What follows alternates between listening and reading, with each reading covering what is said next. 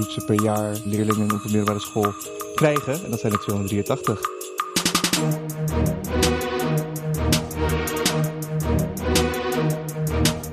Nu zijn ze vooral bezig met ik moet het werkwoordelijk en namelijk gezegd uit elkaar kunnen halen, anders haal ik een onvoldoende voor mijn toets.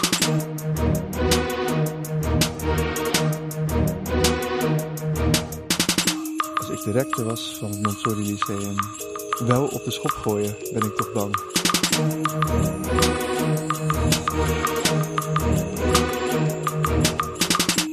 Dames en heren, hartelijk welkom bij deze vierde aflevering van de podcast 88 Toetsen. Nou, naast mij, of eigenlijk tegenover mij, zit Rutger. Nou, stel je even voor. Ik ben eh, Rutger de Vlieger, docent Nederlands op het MLA. Ja, en ehm, waarom heet dit de podcast 88 Toetsen? Ja, dat, dat hoor ik nu voor het eerst. En ik moest eigenlijk gelijk denken aan de eh, tekst van Johannes Visser over de 283 toetsen per jaar. Die heb ik wel in mijn hoofd. Wat is dat dan helemaal precies? Ja, die Johannes Visser is een eh, schrijver van de correspondent. Ja. Die heeft pas ook zo'n klein boekje uitgegeven. Oh, dat boekje, dat heb ik thuis liggen. Ja. Dat heb ik gisteren gekregen van iemand. Ja, en dat, hij heeft dan uitgerekend hoe, gemiddeld hoeveel toetsen per jaar eh, leerlingen op de middelbare school krijgen. En dat zijn er 283. Ja, en Waar waarom komt- denk je dat ik 88 Ja, zeg? dat was mijn vraag. Waar komt de 88 vandaan? Ja, dat, eh, misschien kom je er nog op tijdens het gesprek. er is wel een hele bepaalde reden voor. Oké, nou, het is een beetje out of the box denken. Ja. De kinderen komen de eerste les altijd binnen bij de muziekles en dan zeggen ze... Vroeger zeiden ze dan eh, gaan we drummen, gaan we piano spelen, gaan we zingen. En nu zeggen ze krijgen we een toets. En dan zeg ik nou, bij muziek heb je 88 toetsen. Oh ja, van de piano. Juist. Ja, oké. Oh, dat- Ja, ja. dat is het. Ja. Ja, goed. Ik ben eh, dus. eh, ik heb door de loop van de jaren gezien dat het Montessori Lyceum gaandeweg steeds meer afscheid heeft genomen van dingen die heel normaal zijn. En eh, met in het achterhoofd verblijven heus het Montessori Lyceum nog wel. Alles wat we dan hebben afgeschaft, wat normale dingen zijn in een Montessori school, dat je dus eh, op het moment zelf mag kiezen naar welke werktijd je gaat, omdat je daar nu gewoon zin in hebt. ja. Dat is niet meer, je moet ervoor intekenen. Terwijl vroeger, of op een normale Montessori school, is het zo dat je binnenkomt en dan zie je het materiaal of je denkt, je ziet dat dat kind ergens mee bezig is. Oh ja, nou weet ik wat ik wil gaan doen.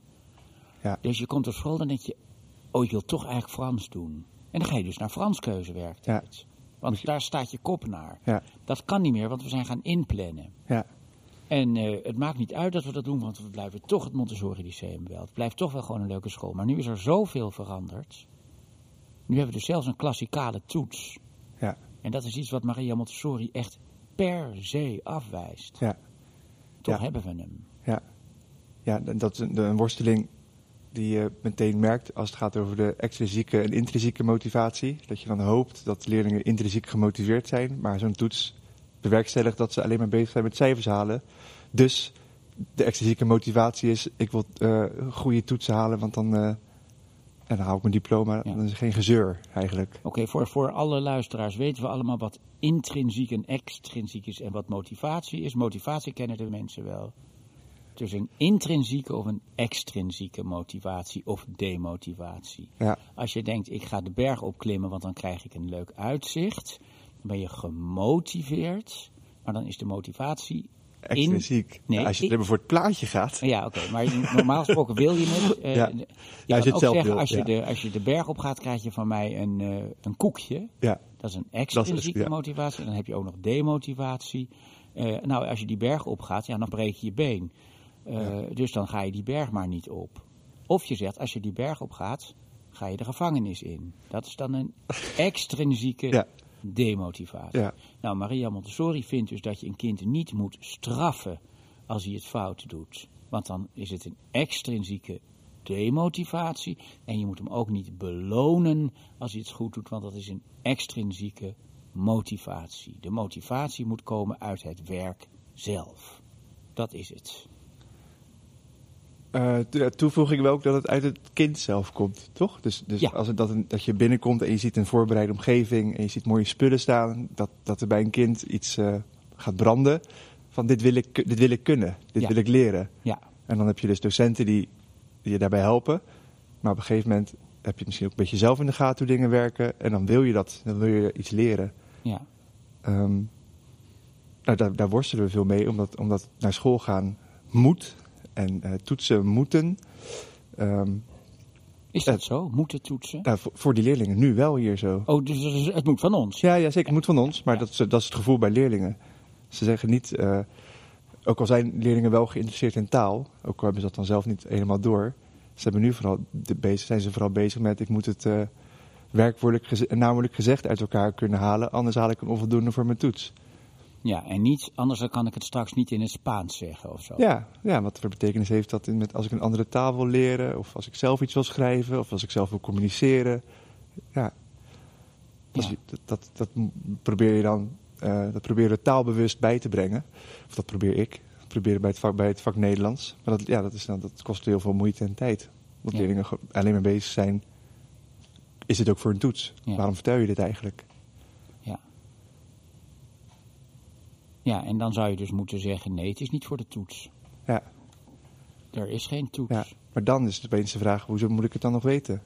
Ja. En want ik moet voor wiskunde en voor Duits wel een toets maken. Dus als het voor, bij Nederlands geen toets meer hoeft te maken, is dat dan nog wel belangrijk. ja. En dan sta je als docent dat weer te, de te motiveren, omdat het wel belangrijk is. Maar ja, het is niet voor een cijfer. Ja. Ik vraag me dus af, wat gaat er gebeuren als de schoolleiding nou gewoon eens zegt... en nou is het afgelopen, we doen het niet meer. Ja, Want zo is onze schoolleiding niet. ja, Het Montessori Lyceum is niet zo. Ja. Het, is, eh, het is altijd zo van... ehm, onze schoolleiding is een beetje zo van, we gaan dit zoveel mogelijk niet doen. Maar het Ja, echt lef. niet doen... Echt? Hebben ze, tonen ze dan geen lef? Maar, wat is dan jouw eh, idee daarbij?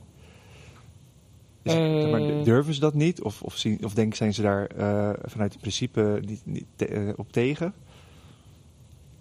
dan ga je vijanden maken. Ga je conflicten krijgen. Oké, Dan, dan krijg je dat mensen zeggen, ja, maar dat, dat is niet eerlijk. Dat is, ik doe toch mijn best en ik werk al zo hard. En wat denk je nou? En hoe moet het dan?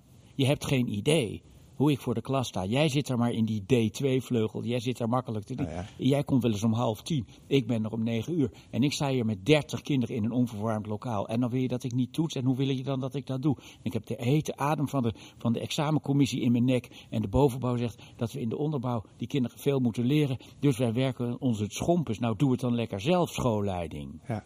Zo, advocaat van de duivel. Ja, ja, ja, zeker. Oh jongens, maar dit is zo ingewikkeld. Als je alles van bovenaf oplegt, dan word je een autoritaire klotenschool. Ja. Maar we willen toch juist samenwerken? Ja. Nou ja, ja maar eh, het gedachtegoed van Montessori is ook grotendeels gebaseerd op een kleuterschool. Ja, Ja, daar, daar beginnen haar ideeën. Ja. En die nemen, wij met graag die nemen wij graag over. En geven daar onze eigen draai aan. En die eigen draai, die is, nou, hoe ver moet, mogen we dat, hoe ver mag je doordraaien ja. met z'n allen, denk ik. Nou, het is, toch eigenlijk heel makkelijk. Je bent de schoolleider. En die ouders die zeggen, eh, ik wil toch toetsresultaat. En dan zeg je, nou mevrouw, dan moet u maar naar het eh, Sint-Eustachius College Ja, gaan. ja. En daar wordt getoetst. En wij doen het niet. Het is hier een Montessori school. Ja. Jammer de bammer. Nou, dat is, ik denk juist eerder dat een docent dat antwoord zou geven. Dat zou ik gewoon graag willen zeggen. Maar ik denk dat juist dat de schoolleider daar eh, iets andere belang ook bij heeft. Want die wil ook graag dat, dat de school gevuld is met leerlingen. Ik denk ook wel dat ouders eigenlijk ook niet echt in een toets geloven. Want ze hebben ze vroeger zelf ook afgekeken. Maar ze, Ja, maar ze, ja. maar ze willen gewoon weten, doet mijn kind het goed? Gaat het goed? Ja, Dat willen ze weten. ja. Dus gaan we de toets afschaffen? De klassikale toets? Ehm, ik vind dat heel eh, ingewikkeld. Ik heb ehm, soms de behoefte, en dan heb ik het over grammatica bijvoorbeeld, vind ik dat toch wel fijn dat leerlingen daar dan aandacht aan besteden, terwijl ze dat niet eh, leuk vinden, terwijl ze het niet interessant vinden, vind ik het wel belangrijk dat ze het goed kunnen. Dus wil ik dat toetsen. En dan is dat ook spannend en dan oefenen we dat met z'n allen en dan gaat het ook goed. En ehm, als je een tekst laat schrijven en dat niet toetst en je ziet allemaal spelfouten, eh, dt-fouten, ja, dan is, dat een, eh, is het gewoon makkelijk om dat te toetsen. Dan kan je gewoon zeggen, hé, hey, dit kan wat beter en dan doe je het nog. Ik vind ook, het, hoeft, het, hoeft- het mag ook formatief, het hoeft ook niet voor een cijfer. Maar ik wil het wel gewoon doen tot het goed gaat. Maar dat, dat ze het wel kunnen. Dus ik wil best wel toetsen, maar gewoon om het, zodat, je het, iets, zodat je de stof begrijpt. Ja. Nou, wat zou je doen als jij de schoolleider was? Als jij de rector was van het Montessori Lyceum? als ik de rector was van het Montsori Lyceum, wel op de schop gooien, ben ik toch bang. Dat ik, ik ben helemaal niet zo eh, radicaal, volgens hoop ik, denk ik. Maar in dit geval geloof ik wel dat een grote verandering veel kan oplossen. En dat, dat begint eigenlijk al met opschonen van de blokboeken. Ja. Ik praat nu trouwens alleen voor, de onderbouw, want daar geef ik les. Ehm, maar die, de blokboeken moeten op de schop, als in begin maar helemaal opnieuw met vullen. Ehm, want nu staat er te veel in. Ja. Ga alles maar een keer zien en dan ook in een groepje met, met, eh, met, eh, van andere vakken. Zodat een docent Nederlands kan zien wat er bij, bij Duits gebeurt en een docent Duits bij Nederlands. En, eh, want dan leer je van elkaar. Want nu doet iedereen maar wat op zijn eigen eiland en die kinderen krijgen alleen maar meer. ja. Want het is niet dat, je, dat het minder wordt. Dus dat is het eerste. Ja, en dan? Ehm, en dan een soort ja, kaders wel stellen van tevoren wat er dan in zo'n blokboek mag staan. Dus wat is, wat is het nut? Ik zie dat ook niet. Maar een, eh, een, een toets per of per twee blokken. Dat je gewoon één grotere toets mag geven of twee kleine toetsen. Ja, het mag allemaal, als er maar wel een soort regelmaat in zit. Eh, maar wel met minder toetsen. We hebben vorig jaar een keer samen gezeten met onze deelschool. En toen kwamen we ook uit op dat iedereen één toets per blok gaf. En dan kom je toch ook wel uit op eh, vier blokken per jaar, tien vakken. Nou, dan zit je op 40 toetsen. Ja, dus elke week een toets minstens. Ja, ja precies. Dat dat wel veel is. Ja, want dan moet je voor die toets eigenlijk wel op drie verschillende dagen leren. Wanneer doe je dan je gewone werk? Ja, Maar zo weinig is het niet. Het is veel meer. ja want sommige vakken gaven twee eh, toetsen Ja. per blok. Ja. En, dat was, en als je dan vraagt waarom, ja, dan is het nodig. Ja. Ja, dat is heel boeiend. Waarom is het nodig? Dus als jij schoolleider was, Eh, maximaal zoveel toetsen per leerling per jaar. En hoe je dat onderverdeelt met z'n allen, moet je dan maar eens een keer uitvechten, misschien. Of gewoon niet doen. Ja, ik zou wel. Ja, maar ik, ik wil dus ook docenten die vrijheid geven om wel een toets te. Als, het, als jij vindt dat het nodig is, maar een leerling heeft maximaal 20 toetsen per jaar. Nou ja, bij het MLA 2 gebeurt het nu zo dat er afgesproken is geen toetsen. En wat gebeurt er? Is dat leerlingen tegen mij zeggen: Ja, maar we moeten straks. eh Rutger mag iets voor wiskunde doen, want we hebben hierna nog wiskunde. En dan krijgen we een toets. Ja, zie je? Dus Ja, die, ze, kijk, dat boek werkt volgens mij zo met hoofdstukken. En aan het einde van elk hoofdstuk heb je een diagnostische toets. En die moeten ze doen. Dus in mijn les vragen ze dan, mag ik iets voor wiskunde doen? En ehm, dan vraag ik me ook af, oh, maar als ik nou eh, een Nederlands toets eh, klassikaal ga doen, gaan ze dan ook iets beter hun best doen voor Nederlands? ja, dan gaan ze ook onder wiskunde denken, mag ik Nederlands doen? Ja. Ja, Zo word je dus eigenlijk allemaal opgejut om toetsen te gaan geven. Ja. En wat ook ingewikkeld is, waar ik over nadenk, over dat een leerling zelf een toets mag doen wanneer die zou willen. Daar ben ik eigenlijk wel een voorstander van. En want we hebben nu Quizzel, dat is een website en daar kan je Ja. ook toetsjes op zetten. Ehm, dat doe ik ook. Maar dan is het voor mij ook heel lastig overzicht creëren in of elke leerling het wel gedaan heeft. Dus dan Ja, moet je daar heel veel controle op hebben of dat wel goed gaat. ja. Dus het is ook nog eens altijd een, een werkdruk vraagstuk. Ja. Oh, jongens. Ja, als jij rector zou zijn, zou je gewoon toetsen afschaffen? Ik zou, als ik, als ik rector van het MLA was, dan zou ik eh, een paar maatregelen nemen. En ik zou daarbij zeggen, ik vermoed dat niet iedereen ze kan meemaken. Maar we gaan het toch doen. Ja. We gaan een paar maatregelen nemen waardoor de school weer gaat lijken op de school die die was in 1960. Of 1970. Dat klinkt heel conservatief als Ja, je het zo zegt. nee, dat klinkt ja. zelfs reactionair. Maar dat wil niet zeggen dat je dat in alles moet doen. Maar we gaan oude Montessorianen uitnodigen. We gaan hen vragen hoe deden jullie het. En we gaan kijken wat is daarvan toekomstbestendig. En daarnaast zijn er al ook een heleboel dingen die nu modern zijn.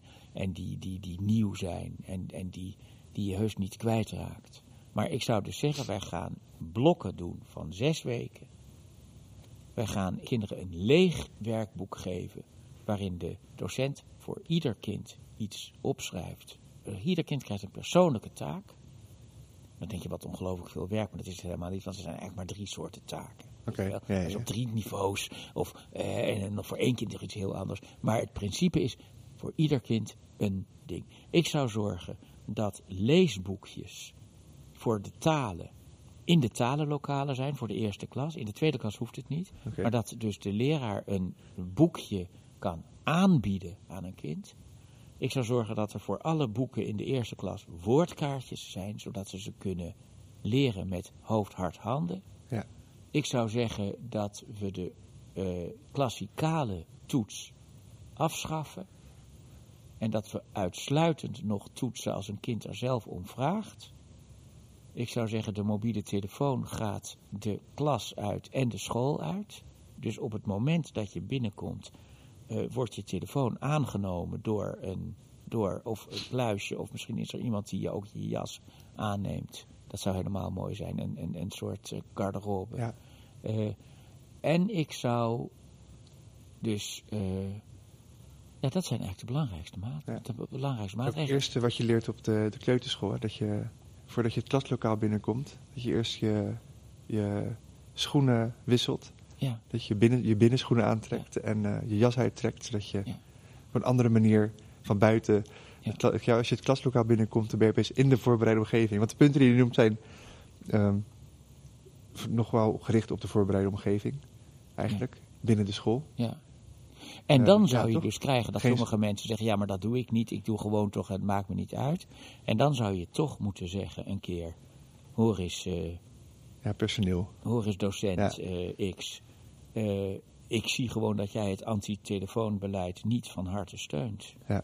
En, eh, Ja, ja, je zegt personeel, maar ik, ik moet ook snel denken aan methodes. Dus, zeg maar, oh, de- heb ik dat niet gezegd? Want je zegt, ja, De- want je zegt boek- nu... want je zegt nu boeken eh, eruit. ja, want, want zoals bij wiskunde, het is niet de wiskunde, maar het is ook de methode waar wiskunde mee werkt. Daar zit Ja, dus een diagnostische toets in. Maar wiskunde is, is een, toch een, een ander soort vak dan Dit is ook gevaarlijk. vakken. Ja, dan krijg je ik- deze discussie weer bij mijn nee, vak, maar bij Nederlands is het wel een uitzondering. Het, het, het bezwaar dat ik Ja. tegen, tegen een boek voor, eh, voor, voor, een, voor taal, voor, voor Frans, Duits of Engels heb.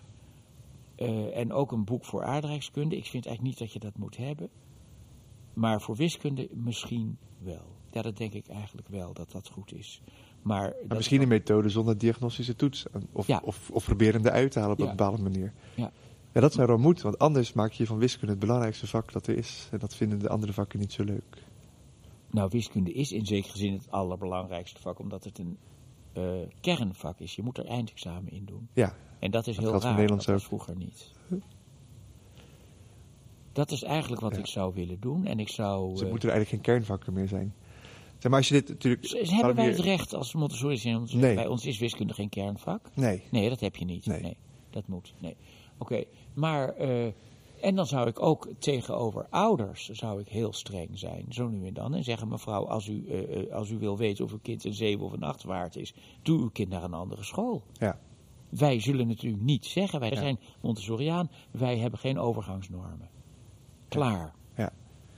Wij, wij gaan het kind meenemen naar de volgende klas, omdat we denken dat dat voor dat kind goed is. Ja, en dan ontstaat er een soort angst bij de schoolleiding dat er bepaalde eh, eh, kinderen met een bepaald advies niet naar deze school komen. Dat, weet je, dat, dat, er, dat, dat, dat die angst leeft heel erg. Ja. Voel ik, dat hoor ik wel eens om me Ja. heen. Dus als je een uh, MAVO, HAVO, VWO school wil zijn en je zal nooit meer cijfers geven.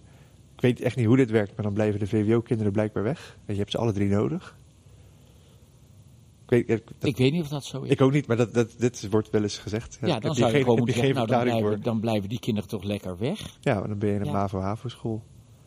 Nee, maar dat kan niet. Want dan je, Ja, precies, ja. Nee, dat kan, nee, dat, Nee, dat kan kan niet, dus omdat niet, je kinderen op, op, op de HAVO de kans moet geven om, om op te stromen naar VWO. Ja, Dus je hebt een VWO nodig, anders kun je die kinderen die kans niet bieden. En je kunt geen VWO maken van alleen opstromers. ja. En, bl- en blijkbaar is er, is er een bepaalde reden dat eh, eh, VWO-kinderen liever willen horen dat ze het heel goed doen of zoiets. Of, of ouders willen het horen, dat weet ik al niet zo goed hoe dat werkt. Want dan komen ze minder.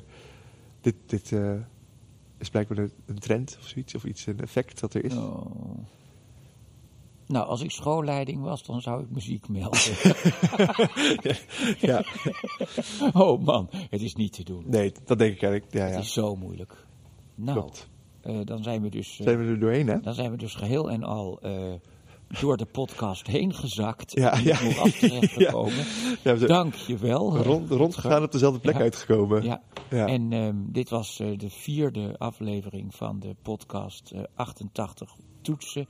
En ik hoop u bij de volgende podcast weer te horen. En misschien dat we dan toch weer een, een uitweg vinden uit dit moeras. Oh, is dit de conclusie die er telkens is? Wat zeg je? Is dit de conclusie die je telkens hebt? Nou, is er bij de elke Nee, bij, 1, bij 2, de 3? andere podcast was het volstrekt duidelijk. Dit gaan we doen. Maar nu opeens Oh, dat sorry. het heel eenvoudig niet is. Ja. Dus, dames en heren, tot podcast 5. Ja.